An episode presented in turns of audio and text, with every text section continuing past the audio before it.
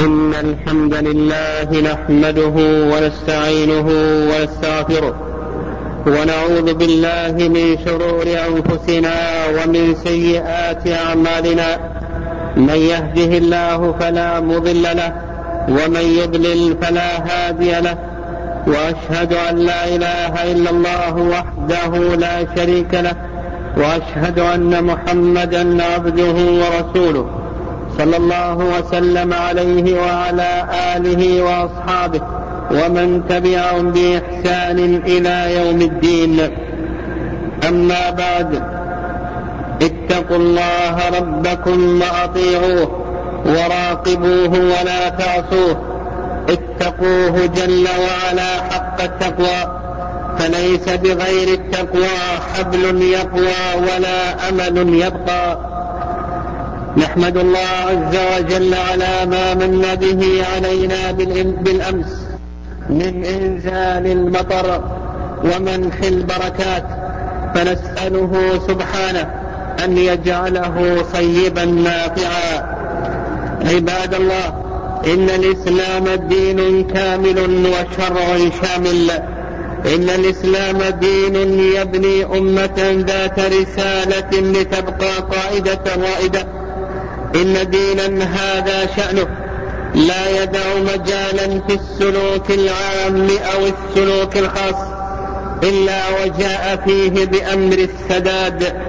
ومن هنا فلا عجب أن تدخل توجيهات الإسلام وأحكامه في تنظيم المجتمع في دقيقه وجليله في أفراده ومجموعه في شأنه كله. ولا تزال مدونات أهل الإسلام في الفقه والأخلاق مشحونة بالحكم والأحكام في فكر أصيل ونظر عميق واستبحار في فهم الحياة وشؤون الإنسان وسياسة المجتمع وإن مما يظهر فيه شمول هذا الدين وجلاء حكمه وأحكامه. ما أوضحه القرآن وجاءت به السنة من أحكام المراكب من سيارات متنوعة ومن آداب الطريق ومجالس الأسواق وحقوق المارة وأدب المشي.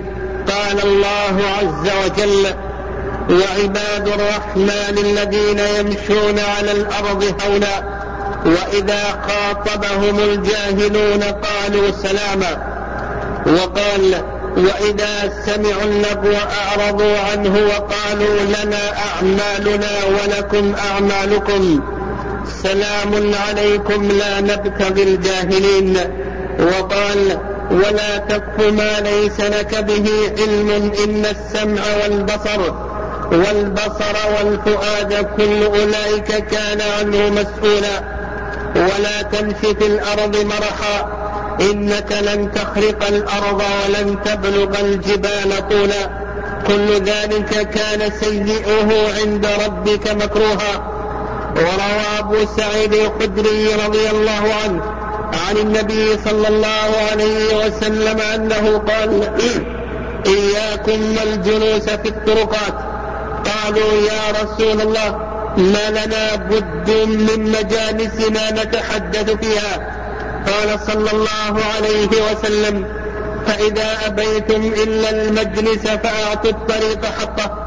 قالوا وما حقه؟ قال غض البصر وكف الأذى ورد السلام والأمر بالمعروف والنهي عن المنكر.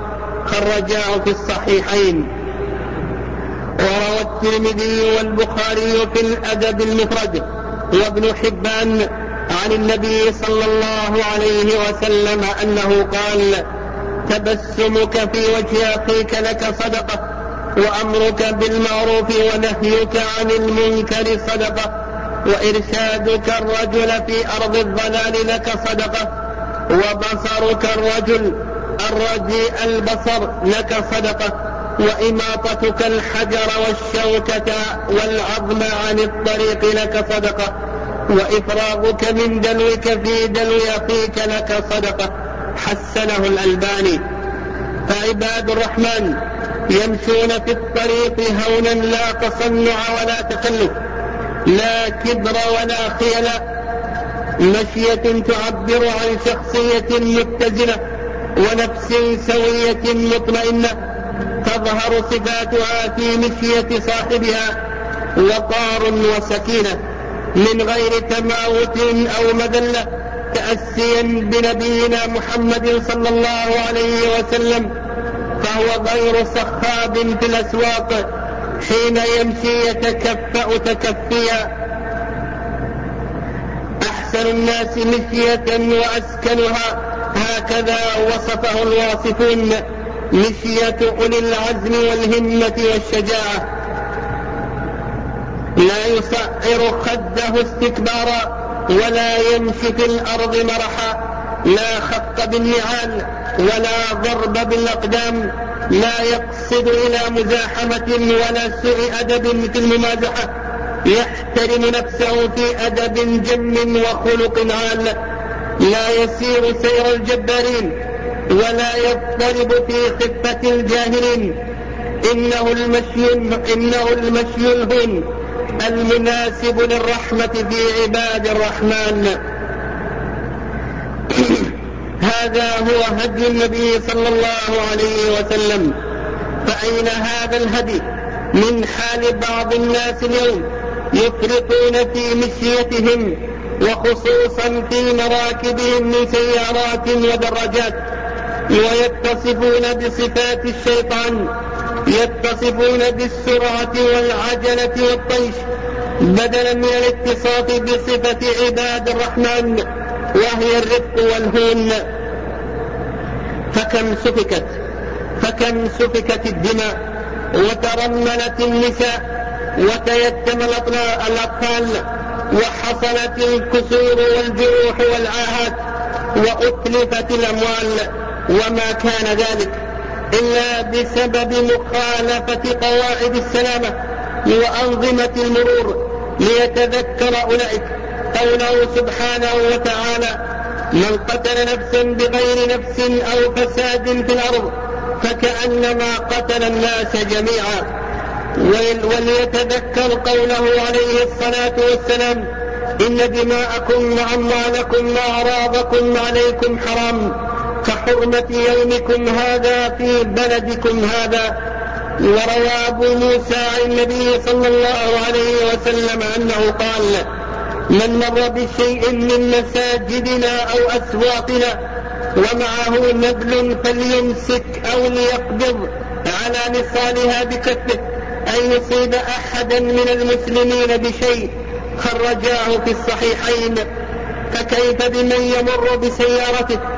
في طرق المسلمين وهو يسرع فيها أو يحرفها يمنة أو يسرى أو يزعج الناس بمنبهاتها وإطاراتها فهذا ممن لا يرحم عند الله ولا عند خلقه.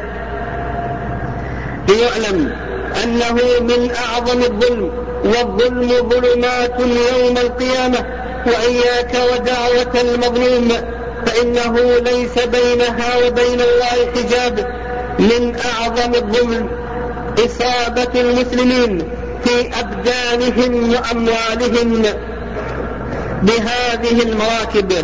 ولتعلم قائد المركبة أن من ركب معك قد ائتمنك على نفسه وماله. والله عز وجل يقول إن الله يأمركم أن تؤدوا الأمانات إلى أهلها ومقتضى الأمانة أن تحافظ على هذا الذي ركب معك وأن تحافظ على ماله فلا تفرط ولا تتعدى عباد الله ومن التفريط. تولية الصغار لهذه المراكب تولية الصغار والذين لا يحسنون قيادتها من العمال ونحوهم لهذه المراكب فإن هذا من من التفريط والتعدي الذي نهى الله عز وجل عنه. عباد الله إن من أهم قواعد السلامة التي يجب اتباعها التقيد التقيد بأنظمة المرور ومن ذلك ما يتعلق بالإشارات الضوئية. التي وضعت لتنظيم سير المركبات فكم حصل بمخالفتها من حوادث وآفات وذلك عند تجاوز الضوء الأحمر فإن هذا لا يجوز لما, يتتر لما يترتب عليه من التعدي على الآخرين. ومما ينبغي أن ينبه له أيضا أن بعض الناس يتشاغل عن قيادة عن القيادة بأمور أخرى خارجية كاستخدام الهاتف النقال مما يكون سببا للوقوع في الحادث أو حمل الأطفال أو نحو ذلك. إن مراعاة هذه القواعد التي وضعت من, من أجل مصلحة الجميع أمر واجب وسبب للخروج من العهدة أمام الله عز وجل وأمام خلقه وسواء كان ذلك في المراكب الصغيرة أو الكبيرة أو الدراجات الهوائية أو النارية. عباد الله كف الأذى عن الطريق من أبرز الحقوق. الأذى كلمة جامعة لكل ما يؤذي المسلمين من قول وعمل يقول عليه الصلاة والسلام فيما رواه مسلم في صحيحه. لقد رأيت رجلا يتقلب في الجنة في شجرة قطعها من ظهر الطريق كانت تؤذي الناس وحينما طلب أبو برزة رضي الله عنه من النبي صلى الله عليه وسلم أن يعلمه شيئا ينتفع به قال اعزل الأذى عن طريق المسلمين. وفي صحيح مسلم أيضا بينما رجل يمشي بطريق وجد غصن شوك على الطريق فأخره فشكر الله عز وجل له فغفر له. فإذا كان هذا الثواب العظيم لمن يكف الأذى فكيف تكون العقوبة؟ لمن يتعمد إيذاء الناس في طرقاتهم ومجالسهم بجلب المستقدرات وترك المخلفات ونشر, ونشر الأذى في منتزهاتهم وأماكن استغلالهم روى الطبراني من حديث حذيفة بن أسيد رضي الله عنه أن النبي صلى الله عليه وسلم قال من آذى المسلمين في طرقهم وجبت عليه لعنتهم وقال حديث حسن صحيح وفي حديث أبي هريرة في صحيح مسلم أن النبي صلى الله عليه وسلم قال اتقوا اللاعنين. قالوا ومن لاعنان يا رسول الله؟ قال الذي يتخلى في طريق الناس وظلهم. عباد الله ومن حق الطريق إفشاء السلام ابتداء وردا. فأدب كريم يتخلق به أبناء الإسلام وحق يحفظونه لإخوانهم. يغرس المحبة. ويزرع الألفة ويغسل الأحقاد ويزيل الإحن ويستجلب بها به رضا الله وغفرانه. ويستجلب به رضا الله وغفرانه. وفي الحديث الذي رواه مسلم أن النبي صلى الله عليه وسلم قال لا تدخلون لا تدخلون الجنة حتى تؤمنوا ولا تؤمنوا حتى تحابوا. أولا أدلكم على شيء إذا فعلتم تحاببتم أفشوا السلام بينكم. وإفشاء السلام يكون للصغير والكبير ولمن تعرف ومن لا تعرف. وليس السلام للمعرفة فقط. عباد الله ومن حق الطريق أيضا أن تساعد المحتاج. تهدي ابن السبيل الضال تهدي ابن السبيل الضال. بعبارة ملؤها الأدب وإشارة كلها لطف كلها لطف ورقة من غير فظاظة ولا ملال. تعين صاحب المتاع في حمل متاعه ورفعه ووضعه. وإن كنت تحمل شيئا فاحترس أن تصيب أحدا بأذى. تفض النزاع بين المتخاصمين وتصلح ذات البين وتحفظ النقطة. وتدل على الضالة تعين على رد الحقوق لأصحابها وتذب عن أعراض المسلمين وتأمر بالمعروف وتنهى عن المنكر وتأخذ على أيدي الظالمين وتنصر المظلومين. لا تتعرض لأحد بمكروه ولا تذكر أحدا بسوء. لا تهزأ بالمارة ولا تسخر من العابرين لا تشر ببنان ولا تستطل بلسان. لا تحتقر صغيرا. ولا تهزأ من ذي عافة وإياك وإياك والوقوف في مضايق الطرق. وملتقى الأبواب ومواطن الزحام. ويتأكد ذلك أثناء قيادة المركبات بأنواعها مع حفظ تام لحقوق المشاة والراكبين والقاعدين. وإهمال ذلك يؤذي المسلمين. اللهم إنا نسألك الهدى والتقى والعفاف والغنى. اللهم علمنا ما ينفعنا وانفعنا بما علمتنا. وزدنا علما يا عليم يا حكيم. اللهم صل وسلم وبارك. الحمد لله رب العالمين. الرحمن الرحيم. مالك يوم الدين. والعاقبة للمتقين. ولا عدوان إلا على الظالمين. اللهم صل وسلم وبارك على نبينا محمد وعلى آله وأصحابه ومن تبعهم بإحسان إلى يوم الدين. عباد الله إن من الناس من يتخذون من الطرق وأماكن البيع وأماكن البيع والمحلات مقاعد ليتتبعوا العورات وينظروا إلى ما يحرم عليهم من نساء المسلمين. وقد يحاولون التعرض لهن وهذا كله محرم ولا يجوز. فليتق الله أولئك وليتوقعوا عقوبة الله عز وجل عليهم. يتناولون السابلة غمزا بالأبصار وطعنا باللسان هماز مشاء بنميم مناع للخير معتد أثيم. عتل بعد ذلك زنيم أن كان ذا مال وبنين. إنه لا يحل لهؤلاء أن يجعلوا أماكنهم وأماكن بيعهم أوكارا تمتد منها النظرات المحرمة وطريقا إلى الرذيلة. وقد جاء في وقد وقد جاء في صفة قوم لوط في قوله تعالى وتأتون في ناديكم المنكر قال المفسرون كانوا يحذفون أهل الطريق أن يرمونهم بالحجارة ويسخرون منهم فذاك المنكر الذي كانوا يأتون. وعفوا تعف نساء نساؤكم. عباد الله اعلموا أن من أولى الآداب وأكرم الأعمال التي ينبغي أن تشغل بها الذكر أن تشغل بها الطرق. ذكر الله عز وجل والنصيحة والأمر بالمعروف والنهي عن المنكر.